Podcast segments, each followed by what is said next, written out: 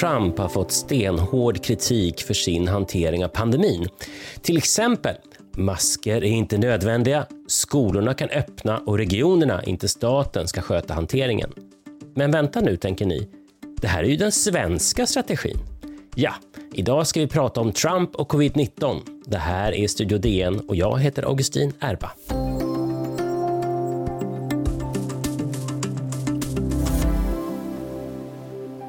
Välkomna tillbaka till en ny säsong av Studio DN. Jag hoppas att ni alla haft en så bra sommar som det går nu när pandemin fortsätter att hålla världen i ett järngrepp. Häromdagen sa USAs motsvarighet till Anders Tegnell att USA är värst drabbad i världen av covid-19. Hur det har gått till och vad det finns för likheter med Sverige ska vi prata om med Dagens Nyheters USA-korrespondent Karin Eriksson. Välkommen till Studio DN. It's under control as much as you can control it. This is a horrible plague that beset us. You really think this is as much as we can control? Uh, well, a thousand I'll deaths tell you, a day? I'd like to know if somebody, first of all, Ja, ska vi börja med att reda ut vad det här är för intervjusituation, Karin? Vi hör ju att det är Donald Trump, men vem pratar han med? Han pratar med Jonathan Swan, så man kan ju höra att det är en man från en reporter som egentligen kommer från Australien, men numera jobbar för Axios på HBO, det är en nyhetskanal. Um, och han det är en kille som ibland utmålats att vara lite av en hovreporter till Trump, det vill säga han får en del nyheter och han gör rätt många intervjuer. Den här gjordes den 28 juli, den lades ut den 3 augusti och den handlar väldigt till stor del om pandemin. Men den, nu nämnde jag det här med hovreporter, så det är en rätt levande och, och skarp utfrågning. Mm. Um, det klagas ju ganska mycket på Trump, eh, inte minst i amerikansk media. Men, men han ställer ju verkligen upp på intervjuer, även om det är mitt i krisen. Vad tänker du om det? Nej men jag tycker att det är ganska eh, spännande. Faktiskt, jag har tänkt mycket på det. Den här människan som hela tiden orerar om fejkade nyheter och medierna som falska. Ehm, men som samtidigt har det här enorma bekräftelsebehovet. Om man tittar på vad som alltid har varit hans styrka och förbannelse så är det ju den här oberäkneligheten, spontaniteten och den gör nog att han trivs i en intervjusituation. Ehm, att han, han kan uppskatta det, det, det, den bollkastning som, som pingpongmatch som uppstår där. Han trivs där, men han har också ett enormt behov av att bli bekräftad också av dem som förnekar honom. Och det tror jag faktiskt är en drivkraft även i detta. Ja. Eh, vi, om man bara ska jämföra lite grann med det här med att han, han ställer upp på så mycket intervjuer. Han ringer ju in till Fox News till eh, ständigt och, och eh, vad heter, han var med på en stor nyhetsintervju med, med deras, en av tyngsta, deras tyngsta intervjuer häromdagen. Om man jämför med till exempel Obama, eh, hur, hur, hur är det med eh, tillgängligheten till presidenten? Nej men han, han, ja, det är precis som du antyder här att han är ju ganska, ganska tillgänglig. Han har ju de här väldigt långa pressträffarna ibland också där han står och pratar ganska obehindrat minut efter minut efter minut. Ja, så funkar det inte i Sverige skulle jag säga. Jämför med Obama som var mycket mer kontrollerad, men så fungerar ju inte en pressträff med till exempel Stefan Löfven. Du har inte det här långa bollkastandet med reportrar där heller. Eh, så det är väl en eh, någonting som Trump, någonstans mitt i, all, mitt i allt sitt förakt för, etablerad, för etablissemanget, allt vad han bygger sin, sina politiska framgångar på, så, så trivs han ju där också. Eller vill ja. vara där och vill ja. bli sedd. Han är ju som ett, även i den här intervjun, är väldigt mycket önskan att få rätt och bli bekräftad och bli sedd. Det, det här ju, fåfänga är ju en enorm drivkraft för Donald Trump. Ja. ja, man kan ju definitivt inte anklaga honom för att gömma sig här mitt i krisen. Det kan man verkligen inte göra. Det kan man ju inte heller göra när det är tre månader kvar till presidentvalet eller ännu mindre vid det här laget. Det, han, har inte, han, har, han, han måste ju synas, han måste ju prata. Men det, han har ju också gjort det konsekvent. Mm. Mm. Um, låt oss nu gå till covid-19. Um, ja, hur går det för USA? Nej men det går väl inte så jättebra. Det är nog ingen som kan, kan påstå det. Det är ett, ett enormt utbrott. Um, men nu är väl antalet konstaterade fall det är närmar sig 5 miljoner, det är alltså större än i en medelstor delstat som Louisiana. Antalet dödsfall, 160 000 är vi snart uppe i. Um, Fortfarande ligger USA under Sverige när det gäller antalet döda i proportion till befolkningen. Men skillnaden mot Sverige är ju att kurvorna under den senare delen av sommaren har pekat så himla mycket åt fel håll och att smittan har fått nya utbrott framförallt i södra och västra USA. Faktiskt på landsbygden där Trump har sina kärnväljare, vilket förändrar dynamiken runt den här pandemin lite grann. Mm. Och vad är Trumps förklaring till att, till att viruset nu eh, ökar i USA? Eh, han har ju en förklaring som är att det är eh, testerna i princip. Att det är, det är, USA testar så väldigt mycket, 60 miljoner tester. Testar man mycket så kommer man att få se att, att det är många som har fått sjukdomen. Och då är ju frågan som kommer upp i den här intervjun mycket runt, ja men det är också tusen döda eller mer än tusen döda om dagen. Och dödsfallen beror ju inte på testerna. De kan inte handla om att man upptäcker smittan utan att den faktiskt finns där. Eh, och det har han lite svårare att förklara. Mm, just det, för att eh, ett tag så lät det ju lite grann som att Sverige, vi kommer ju återkomma till det här under hela programmet här med likheterna mellan Sverige och USA. Ett tag lät det ju nästan som i Sverige där ja, men den, de ökade antal fallen beror på den ökade testningen. Men skillnaden mm. mellan Sverige och USA var ju där att med Sveriges ökade testning så kunde man ändå se att det var ett minskat antal av de som testade sig så att säga som visade sig vara sjuka. Medan i USA så var det ju liksom ett ökande antal människor av de, av de som testade sig som visade sig sjuka. Och det är det här som nu ger mm. effekt nu i dödstalen som, som då ofta har en viss eftersläpning. Um, vi ska också lyssna på en av Trumps favoritförklaringar, nämligen vems fel det egentligen är. This was sent to us by China, one way or the other, and we're never going to forget it. Believe me, we're never going to forget it. And we were beating China at every single point. We were beating them on trade. We were beating, we were making progress like nobody's ever made progress. They had before the pandemic, they had the worst year, Jonathan, that they've had in 67 years. You know that with the tariffs and everything else I did. We were taking in billions of dollars. I was giving some of it to the farmers. The farmers were doing well because I was targeting, they were targeting the farmers. I was targeting China. We were doing good. Then all of a sudden the game changed and I had to close it down. I closed down the greatest economy ever in history. Ja, Karin, jag ser att du bara sitter och ler här. Berätta, vad är det? Nej, men jag tänker för första när han säger att vi kommer aldrig glömma vad Kina gjorde, då tror jag att Trump som ibland ifrågasätts för sin trovärdighet, här talar han 100% sanning, han kommer aldrig att glömma vad som hände eh, i början på 2020, samtidigt som han egentligen önskat och fortfarande lever lite i tanken att det kanske ändå inte riktigt har hänt. Men han, lägger, han tycker ju att det här är Kinas fel, eftersom Kina redan sedan tidigare var hans fiende så har han ju också ibland, kommer ju med ganska stora antydningar om att det här inte bara var en olycka utan, utan någonting annat än attack från Kina. Men han, han eh, upplever ju verkligen att Kina bär skulden till det som drabbat USA. Mm. Man hör ju tankarna gå på natten här. Allting var så fantastiskt och så hände det här. Det verkligen. Ja. Eh, I Sverige har vi ju haft Folkhälsomyndigheten och i USA så har man då mot deras motsvarighet i ungefär Eh, CDC kallas det. Men Vita huset de har haft en slags specialstyrka för covid-19 och där har Anthony Fauci och Deborah Burks ingått. Och vi har ju sett Tegnell eh, var och varannan dag här i Sverige. Men hur är det med de amerikanska motsvarigheterna, Karin? Hur har det gått för dem? Nej, men det är ju, precis som, som du sa, det är ju Vita husets egen styrka som har framträtt, inte, inte myndigheten alls på samma sätt. De har inte pressträffar, utan det är mycket, ligger mycket närmare Vita huset. Men det lyckas ändå uppstå fantastiska konflikter med Donald Trump. För framförallt Anthony Fauci som är den ledande experten i Vita huset har ju många gånger varit mycket kritisk mot vad som händer i USA. Han har nu han har sagt tidigare att det inte är tillräckligt stränga restriktioner, det är därför smittan sprids. Nu säger han att man har öppnat upp för tidigt och varje gång han gör det så blir Donald Trump inte helt oväntat, jätteförbannad och säger att det här är fel, det här är en information han inte gillar. Och när någon an, en annan av experterna som heter Deborah Burke som varit ute och talat om att den här smittan är utomordentligt spridd, då säger han att hon är patetisk. Så att, eh, ja, det är mycket konflikt, även om, även, om, även om strategin utformas så mycket närmare Trump så är den fortfarande i konflikt med Trump många gånger. Mm. Ja, det är intressant att de, de verkar ju ha, vi har ju haft konflikter mellan, ja ni vet, de 22 forskarna och Folkhälsomyndigheten, men, men här verkar det vara mellan presidenten och eh, ja, hans experter. Absolut, det är ju som Löfven skulle säga att äh, Tegnell står här och säger är fel, han har inte förstått någonting och så. Ja. ja. Ja, det här om att Löfven skulle stå och säga så här, ja, Tegnell, han är ju lite av en alarmist. Det, ja. det, det, inte... det skulle han ju i och för sig inte ha så mycket grund för att säga. Möjligen kan Nej. man då invända, men det kommer vi återkomma till. Ja. ja, precis. För så här långt har vi faktiskt mest pratat om skillnaden mellan Sverige och USA, men efter pausen ska vi prata om likheterna, för de är faktiskt fler än man kan tro.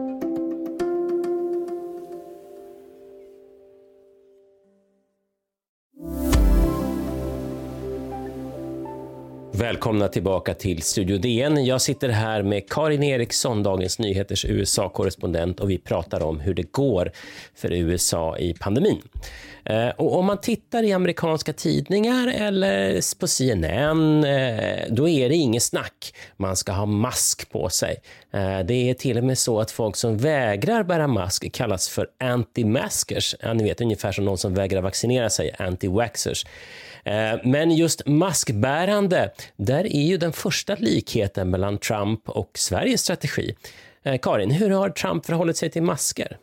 Ja, framförallt så vill han ju absolut inte hamna på bild med munskydd. Det, det, det, har han varit konsekvent med under hela den här pandemin. Sen har han svajat lite, men till exempel då i en intervju i Wall Street Journal i juni, då uttryckte han sig så här de tar på munskydden och sen tar de av dem och sen börjar de röra vid sina ögon och sin näsa och sin mun. Det här är ju inte alls olikt hur det låter när Anders Tegnell eh, resonerar om problemen med, med munskydd och masker och varför, varför den här skyddsutrustningen kanske inte skyddar oss så mycket som vi tror att den kan invagga oss i falsk osäkerhet. Sen har, Trump är ju inte, vi talade om hans oberäknelighet tidigare, han är ju inte alltid konsekvent och han har varit utsatt för en enorm press inifrån, inte minst sitt eget parti, att, att stå upp för munskydden. För att i USA så är ju den allmänna debatten att munskydd är jätte, jätteviktigt. Det tycker ju Fauci också, hans expert som vi pratar, Trumps expert som vi pratar om nu. Så att han, för, några, för några veckor sedan så sa Trump ändå att det kunde vara en patriotisk handling att bära munskydd och han visade i fick, att han hade ett, ett munskydd i fickan men han sätter inte på sig det. Mm, jag har sett någon bild där han hade på sig det här svarta munskyddet. Eh, mm. Där han var vid, eh, när han var på besök på något var det ett sjukhus han var på besök på. Då, det, var, det är nog enda bilden jag sett med honom med munskydd. Mm. I övrigt så har han verkligen hållit det borta från sig. Ja, det är en väldigt stor skillnad mot Joe Biden, hans huvudrival, Demokraternas presidentkandidat, som ju ofta har just en svart mask. Han ser lite grann ut som nästan en Zorro-liknande figur när han kommer och träder fram. För honom är munskyddet och masken en gimmick. Riktigt. Ja. Och så är det ja, verkligen men... inte för Trump. Ja, det, det, det, där är intressant. Och sen har vi då, och så, så att maskerna, där, där driver ju Trump då någon slags svensk linje, eh, eller gjorde det i alla fall. Eh, mm. Och sen har vi skolorna, vad säger Trump om dem?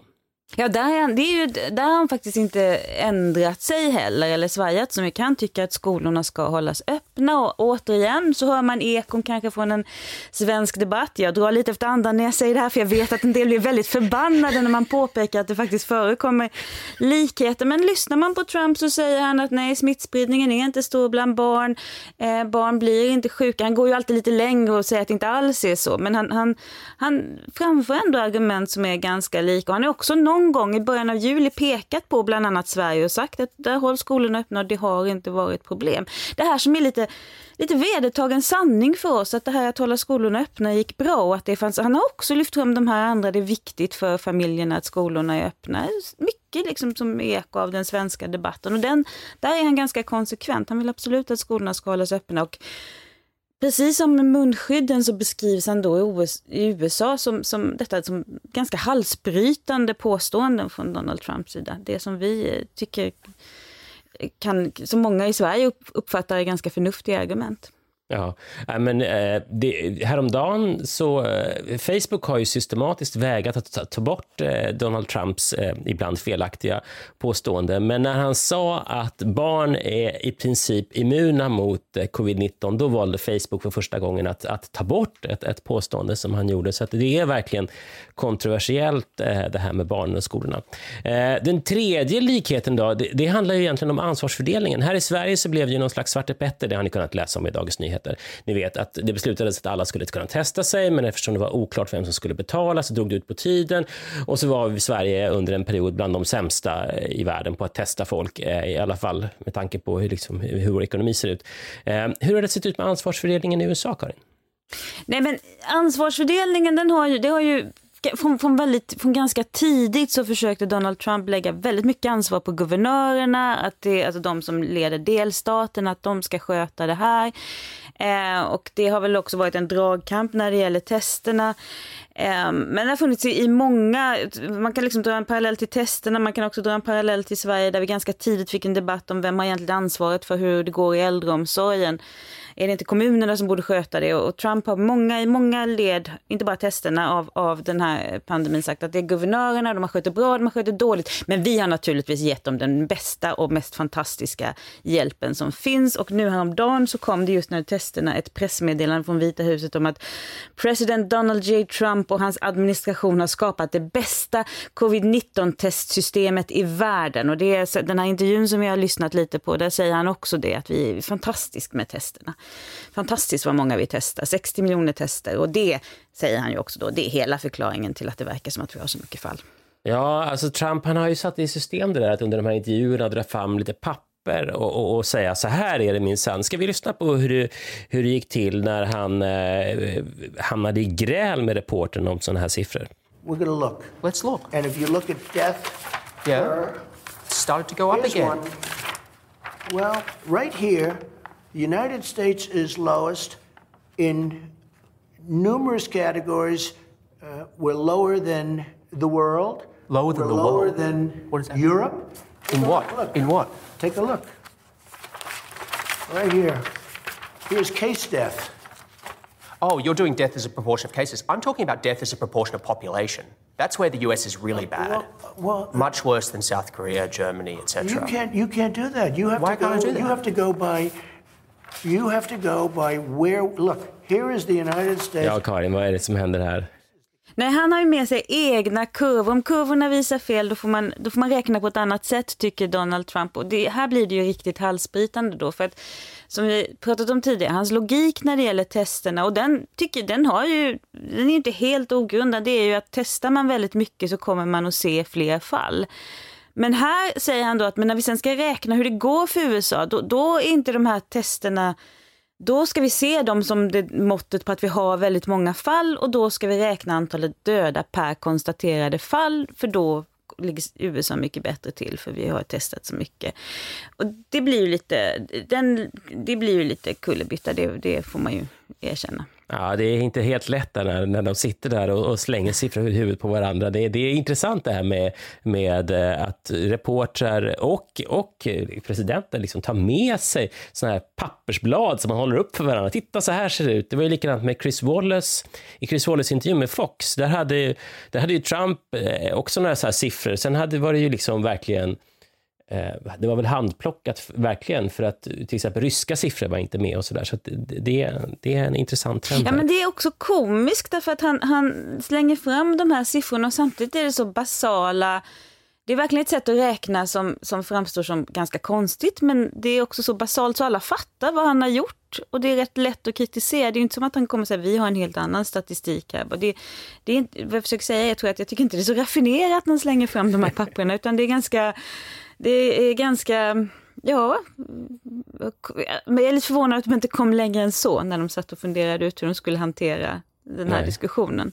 Han säger ju också i den här intervjun, liksom helt felaktigt, att, att kurvorna går ner i delstater där, där det fortfarande, antalet fall fortfarande och antalet döda fortfarande går upp och så. Så att han, eh, ja, det, det, han, han, det, han, det är ju rätt lätt koll, att kolla en del av det han säger. Och då blir, kommer vi tillbaka till det här halsbrytande. Å ena sidan så säger han ju saker som vi alla reagerar på, den Trump vi känner, eh, som ju, med sitt fake media och sina påståenden som, som inte går ihop. Och sen ibland låter han precis som en, liksom en, en svensk statsepidemiolog. Mycket spek- det är spektakulärt verkligen. Ja, eh, det bor kanske en liten smygsvensk i Trump ändå. Eh, Så kan det vara.